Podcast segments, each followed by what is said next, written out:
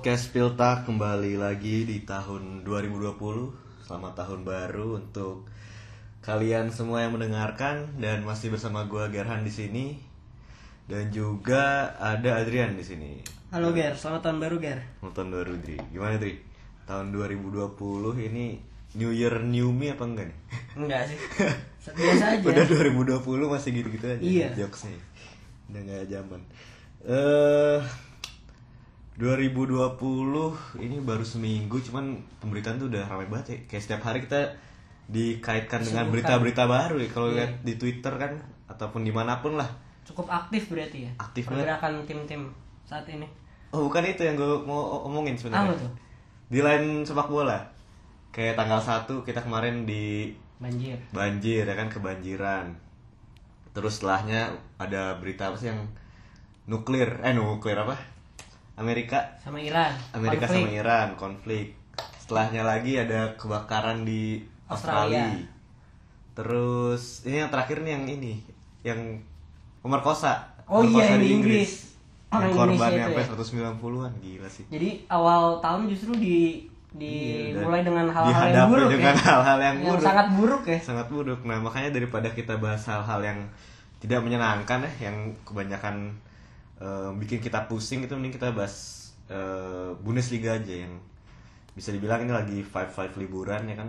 Iya, lagi nyantai ya nyantai, lagi transfer di mana seharusnya bagi beberapa orang jendela transfer adalah hal yang menyenangkan karena melihat pemain baru. Tapi beberapa orang juga mungkin sedih karena pemainnya ada yang cabut gitu. Ada yang cabut. Nah di episode ini kita bakal ngomongin seputar transfer aja sih di segmen 1 dan di segmen kedua dan di Bundesliga sampai saat ini tuh pergerakan transfer sebenarnya nggak terlalu ini ya nggak terlalu menonjol nggak terlalu banyak fluktuasi nggak terlalu banyak dinamika. Cuman ada beberapa nama nih yang menurut kita lumayan penting untuk dibahas. Yang pertama ada Erling Braut Haaland. Sudah pasti itu. sudah pasti. Ke Borussia Dortmund sebenarnya cukup mengejutkan ya karena yang nawar juga nggak cuma Dortmund ada Iya. Juventus ada Manchester United tapi Haaland mungkin berpikir kalau nggak salah dia pengen selalu main sih Hmm. di di keinginannya kalau pindah klub jadi mungkin Juventus dan Manchester United gak bisa menyanggupi itu Iya, jadi memilih ke Dortmund sih Ini mengejutkan juga sih menurut gue karena saingannya tim-tim yang besar ya kan. iya Sementara itu Dortmund sekarang juga nggak bagus-bagus amat dan dia pengen ke Dortmund. Tapi kalau dilihat dari alasannya emang ya make sense sih karena emang kita tahu sendiri Dortmund bisa dibilang tim yang mengandalkan pemain muda apalagi di lini depan kan musim ini ada Julian Brand masih 23 tahun. Jadi memang sebenarnya eh, ini sebenarnya statement ya Hmm. dari Borussia Dortmund bahwa Dortmund juga dianggap sebagai tim besar oleh ya oleh pemain-pemain di Eropa dan Hmm. juga punya prospek jelas kalau di Dortmund itu bisa berkembang. Jadi Iya, secara dua pihak sama-sama punya benefit gitu. Tapi ini jadi pisau bermata dua gitu. Hmm. Karena yang gue denger Paco Alcacer jadi ngambek nih Iya. jadi ngambek dia gara-gara datang ya ini pasti striker utama lah di plot ya kan Iya. jadi masih harus ditunggu sih kelanjutannya tapi ya kalau dari gue pribadi sebenarnya tim yang bagus itu ya harus punya pelapis yang bagus juga gak sih Iya benar-benar. Dan untuk harga 20 juta terus juga dengan Dortmund udah menyanggupi keinginan Halan ya kan dia pengen jadi iya. starting player harusnya emang Pako nih agak terganggu lah. Dan jadi wajar juga sih untuk dia mungkin ngambek. Nah masalahnya emang itu sih apakah si Pako Alcacer ini bisa eh, untuk dirotasi atau untuk bermain ganti-gantian menurut lu gimana sih? kalau menurut gue mungkin yang jadi uh, considerationnya Dortmund adalah Paco ini kadang suka cedera kan. Hmm. terus juga uh, sementara Dortmund nggak punya striker sama sekali Iya. gitu. Jadi menurut gua uh, Dortmund mungkin punya rencana lain untuk Paco Alcacer maksud gua misalnya bisa main dengan dua striker bisa aja itu dicoba juga. Tapi memang kalau lihat dari kemungkinannya sih memang ini menggeser posisi Alcacer sih. Jadi menurut gua wajar kalau dianya ya bereaksi lah atas transfer ini Ap- apalagi kan musim kemarin tumpuannya Dortmund bener-bener ada di Pako lah salah satunya gitu Iya. dan, dia ditransfer itu kan resmi sekarang Iya, kan iya. permanen maksudnya Tapi kalau dari lubuk hati lu terdalam nih, apakah lu menginginkan Halan yang jadi striker utama atau Hmm. Pako nih? Apakah kalau menurut gue emang si Halan nih masih sangat apa ya, sangat muda, masih sangat ke kemampuannya juga belum teruji segitunya lah dia main di Austrian Bundesliga yang Hmm. kita tahu setiap tahun juaranya RB Salzburg ya kan. ya level kompetitifnya berbeda Nah, lah. walaupun emang di Champions League dia gacor nih. Jadi menurut gue masih agak eh, sedikit gambling lah, tapi dengan harga yang wajar. Menurut lu gimana? kalau menurut gua ya memang Pako atau Halan menurut lu? ya kayak yang gue bilang tadi memang harus punya dua cuman kalau kalau gue sebagai pelatih gue lebih milih Pako sih karena musim kemarin bener-bener dia big game player dia juga kualitas finishingnya bagus dia bisa buka ruang dia bisa turun jemput bola. Jadi menurut gue sangat komplit dan yang nggak dipunyai Halan itu kan eh, jam terbang ya. Hmm. Pako itu udah di maksudnya udah ditempa di Valencia di Barcelona. Sekarang ke Borussia Dortmund juga langsung nyetel. Jadi emang ini pemain berkelas gitu.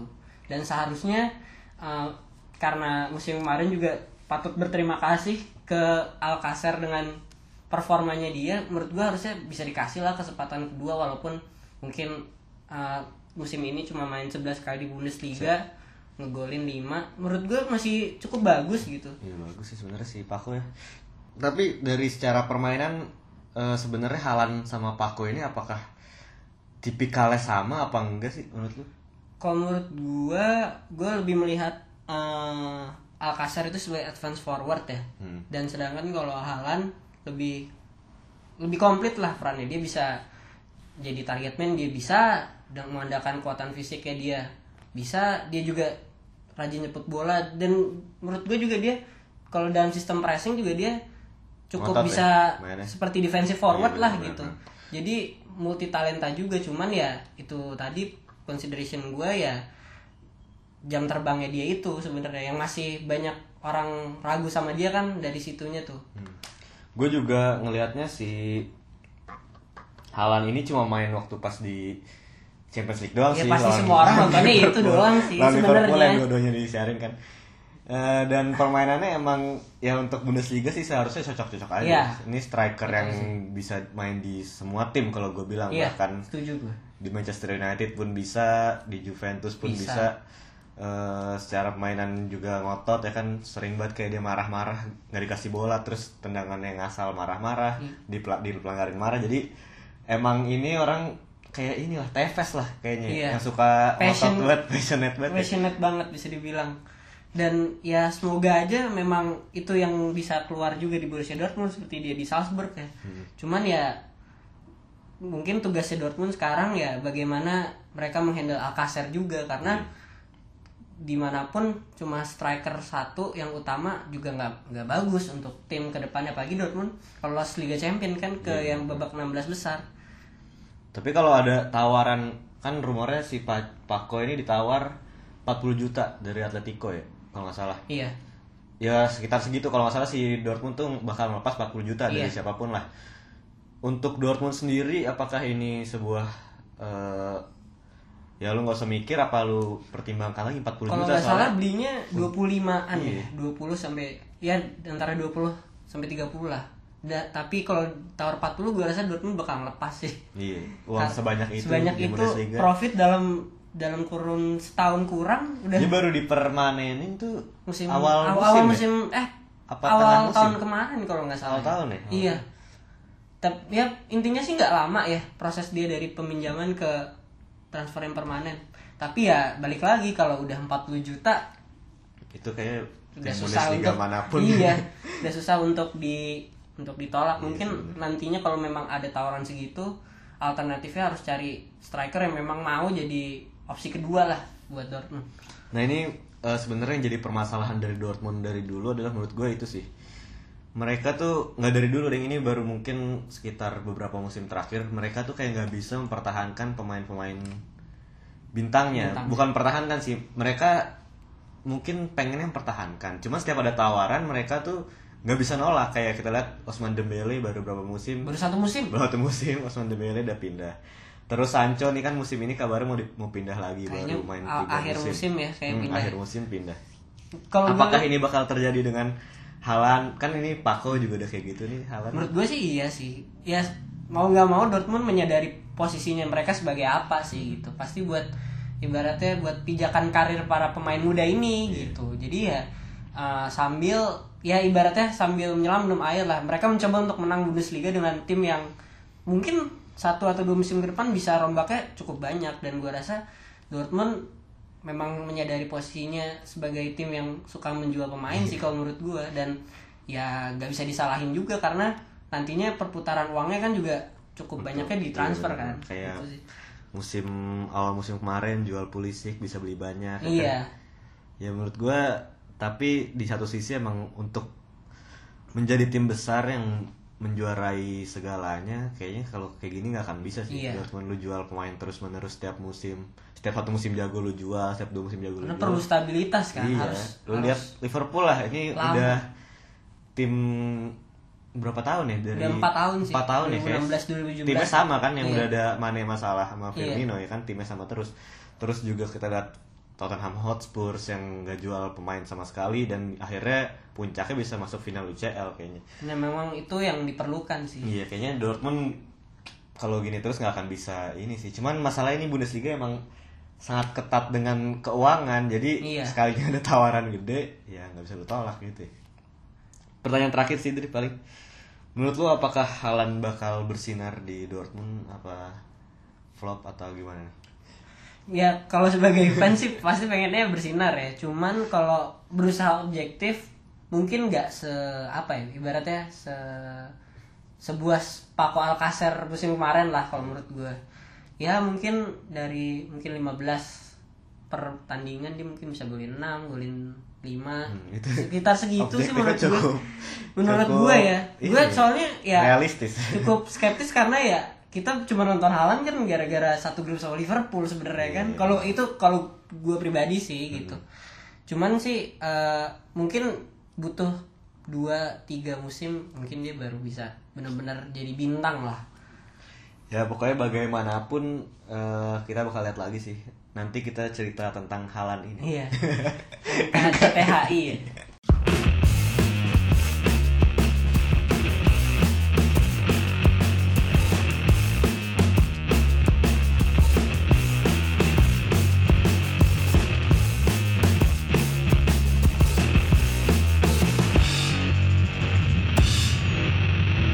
Selain kepindahan Halan ke Dortmund, ada satu lagi transfer yang juga cukup mengguncang lah, menggemparkan Bundesliga karena lagi-lagi dengan kepindahan pemain ini langsung banyak tuh orang-orang.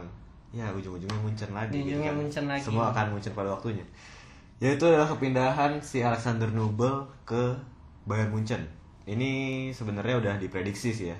Walaupun Iya. di episode sebelumnya gue cuman ngebahas tentang itu waktu itu belum resmi kan Munchen cuman ngebahas tentang ya pro dan kontranya buat si Nubel apa dan sama kebiasaan si Schalke ngejual pemain gratis, Gratis. ngejual pemain gratis.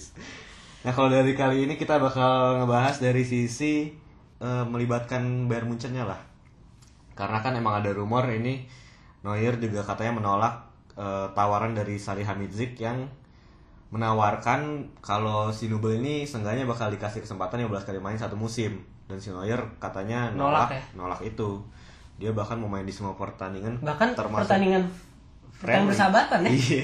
Maruk ya sebenarnya ya. ya tapi ya gimana ya namanya udah pemain bintang gitu ya dan umurnya juga masih prime ya kan Iya. tapi sebelum kita mengeluarkan opini kita kita baca dulu aja nih yang dari Twitter Dri. Boleh, lu ada boleh. nggak Dri? Gue ada nih dari @gsp1209. Oh iya, jadi sebelumnya ini kita nanya ya. Ini Nanya di Twitter. Apakah si kelakuan Neuer kayak gini tuh wajar atau berlebihan? Nah, kalau menurut @gsp1209 wajar karena Neuer masih jago, umur masih 33 tahun buat kiper masih bisa bersaing apalagi dia kapten Jerman.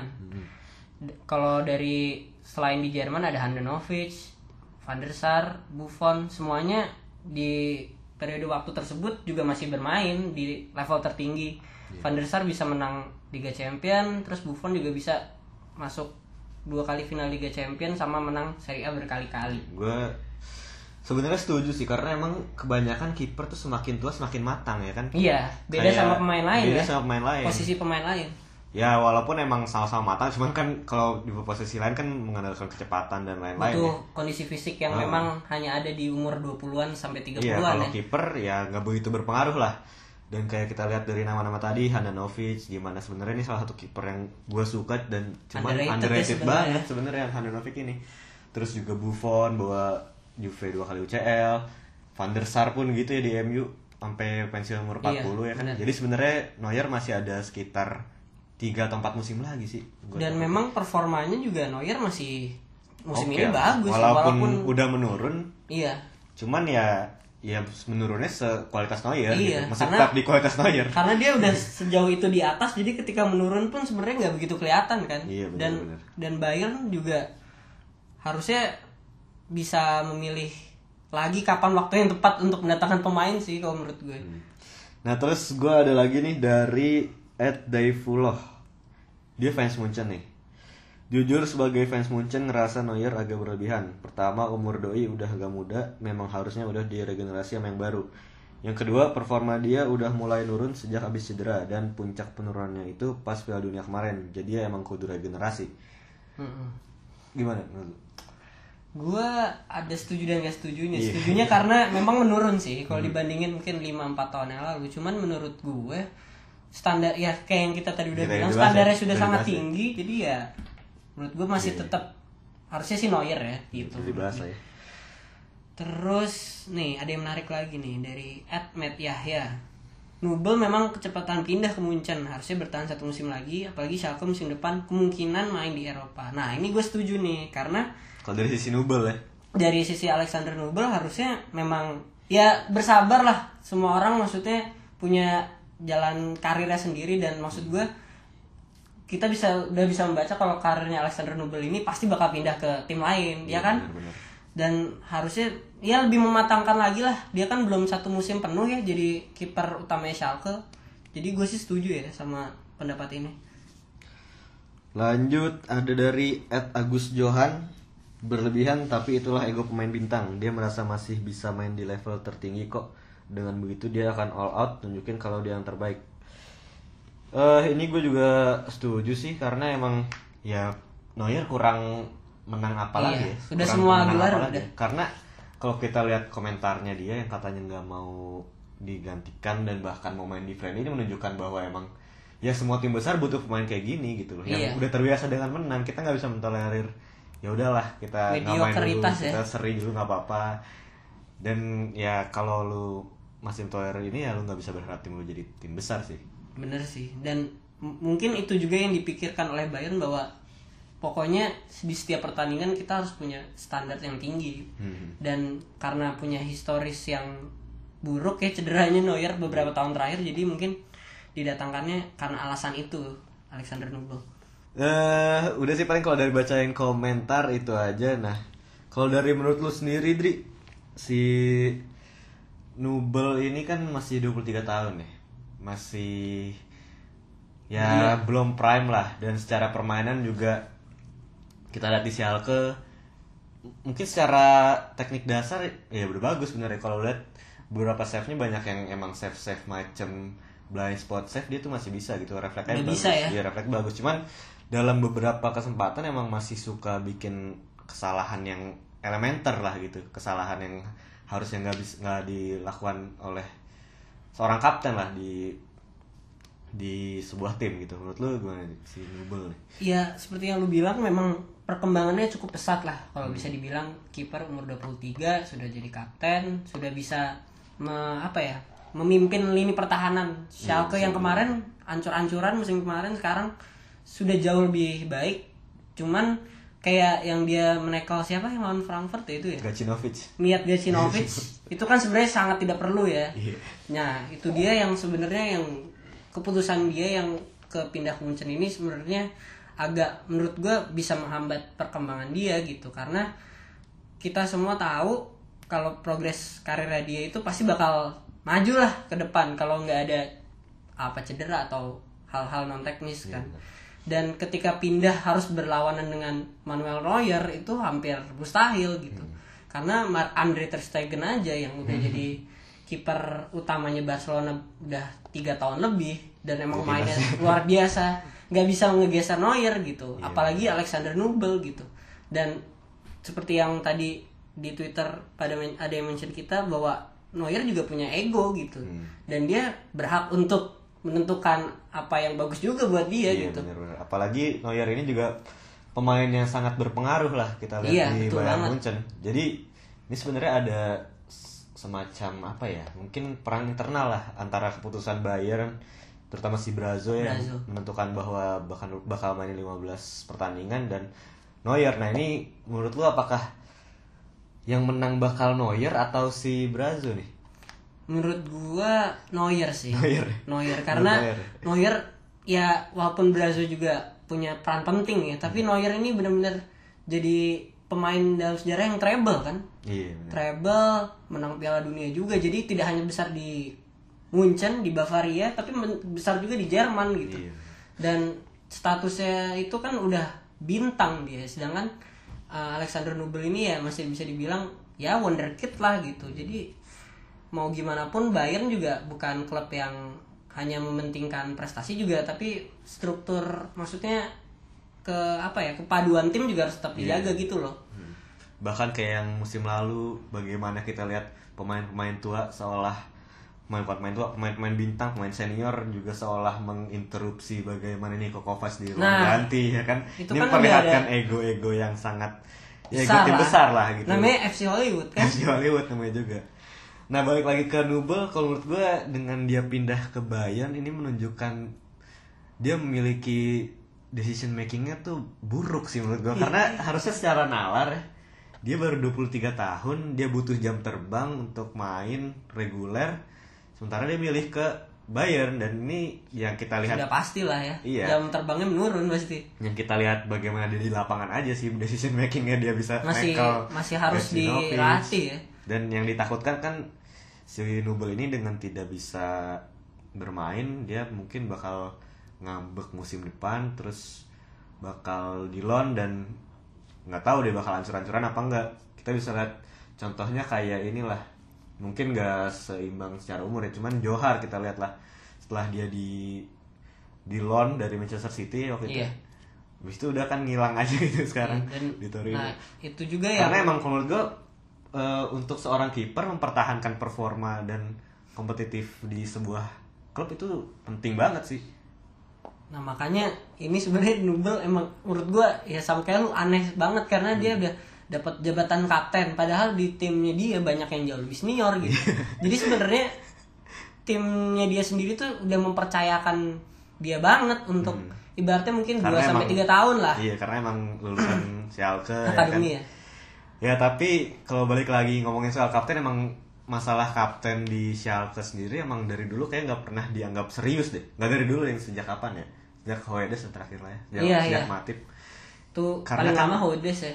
kapten tuh ganti-ganti gitu aja kayak bahkan Ralf Farman yang seorang kapten sebelumnya main jelek beberapa pertandingan cedera musim ini dipinjemin ke Norwich seorang kapten kan terus eh, awal musim kita ngelihat Alexander Nubel yang udah kelihatan lah intensinya kalau dia emang seolah-olah memperlambat perpanjangan Perpanjangan kontrak dan seolah-olah ya body gesturnya juga nggak pengen perpanjang lebih kontrak gitu ya. ya dan dijadiin kapten seolah-olah berusaha untuk mempertahankan itu jadi kapten kayak cuman buat eh, apa ya mengiming-imingi lah padahal ternyata nggak ngaruh Padahal gitu. harusnya kapten itu sebagai apa ya? Sebagai lambang kalau Iya, dia tuh pemimpin. gitu iya. lah, terus juga eh, siapa sih sekarang kaptennya Omar Mascarel ya kalau nggak salah Omar Mascarel Itu random banget random sih menurut gue walaupun di kubu Schalke ya salah satu yang senior lah Mascarel udah dua musim lah kayaknya dua musim tiga musim eh dua musim yang dia dari Schalke kan soal eh dari Dari Eintracht, iya. Frankfurt kan walaupun Tapi sebenarnya kan juga ada ya. Nastasic, ada Stambuli, ada, ada iya Stambuli terus ada si Oksipka iya Bastian Ogzipka. ada Buchstaller yang emang Menurut gue harusnya sih Stambuli ya. Iya. Karena dia lumayan lama sih. Dan dia perlahan-lahan juga walaupun tadi cadangan juga bisa berubah posisi jadi baik back malah jadi main terus kan. dan seenggaknya kalau emang si Istanbul ini kan gak terlalu ya. reguler lah ya Iya. Ya seenggaknya Oksipka masih oke lah ya baru walaupun dua musim juga cuman ya gue nggak tahu sih gimana ini kan masalah internalnya mereka ya, gimana Mas Karel di ruang ganti emang punya kepemimpinan yang bagus ya nggak tahu juga sih gue eh paling gitu aja kalau masalah Nubel dan Neuer ini. Nggak ada yang terlalu menarik untuk dibahas lagi. Eh kalau dari transfer sendiri belum ada terlalu rame. Kemarin yang cuma rame tuh Weigel ya Weigel. Benfica. Aneh sih sebenarnya. Benfica cuman uh, menurut gua Weigel memang harus pindah dari Dortmund untuk perkembangan dirinya dia sendiri sih kalau karena emang masih muda juga dua tiga ya? Iya masih muda. 23. dan setelah Tuchel pergi memang performanya jauh di bawah sebelum-sebelumnya sih Iya. gitu. Dan dia ini kan jadi pemain yang tipe tambal sulam ketika ketika back cedera ketika back dia cedera gitu dia dikasih tempat di back kalau udah menang terus cuma buat buang-buang waktu dia dimasukin di menit 90 segala macam jadi menurut gue dia juga sudah mencium gelagat-gelagat sebenarnya dia udah nggak dibutuhkan sih Iya benar. Dari awal musim sebenarnya kan udah Iya. ada rumor-rumor. Terus siapa lagi nih? Gak ada yang terlalu menarik. Paling ada eh Palacios eh apa sih? Ezequiel. Ezequiel Palacios ke Leverkusen. Ini pemain FM ya. ya kalau yang main yang biasa main FM udah tau lah dia siapa Terus ada oh ini Schalke juga cukup aktif ternyata di bursa transfer kali ini dengan mendatangkan Michael Gregoris. Michael kan ya? iya Michael Gregoris Gregor walaupun cuma dari Augsburg ya sampai akhir musim dan semoga aja dengan datangnya Gregoris ini bisa menambah daya gedor Schalke lah karena musim ini Schalke strikernya jarang banget golin. Dan di lain di lain sisi Markut pindah ya Marcus juga pindah ke Köln ya kan. Terus juga siapa lagi Schalke ada lagi kalau nggak salah. Eh udah deh gitu aja ternyata. Oh ini Fabian Ruiz. oh Aduh. Skrzybski. Oh, Steven Skrzybski pindah. Pindah ke Düsseldorf cuma loan doang. Lon Terus oh Munas Dabur juga pindah ke Hoffenheim. padahal dia awal musim ini baru datang dia ke Sevilla Hmm, kayaknya nggak kuat nih Munas Dabur di Sevilla nih. iya Karena kan pembela Palestina. Frederick Kanute pembela Palestina. Jadi orang Israel dibuang ke Hoffenheim dengan terus Hoffenheim juga si strikernya si siapa Belfodil. Bebu ya Bebu, Bebu Belfodil Belfodil Bebu ya. Kramaric ya Kramaric. jadi sebenarnya juga udah penuh ya padahal terus ada Lokadia kalau juga salah Be- si Belfodil tuh cedera deh. Oh Belfodil cedera. jadi Jadi, makanya Lokadia sering main kan. Dan ya nggak apa ya 12 juta itu harga yang cukup murah lah cukup Enggak lah kalau untuk Bundesliga premium lah 12 juta tuh udah pemain premium harusnya. premium tapi belum yang paling atas lah Iya, belum, belum. udah udah cukup silver pack lah kalau silver di ya silver, FUT. Eh, paling gitu aja sih dari seputar transfer dan episode kali ini. Di episode pertama kita di 2020 Awal tahun ya. Awal tahun, yoi. Dan tunggu aja nanti kita udah kolaborasi sama Elja Radio.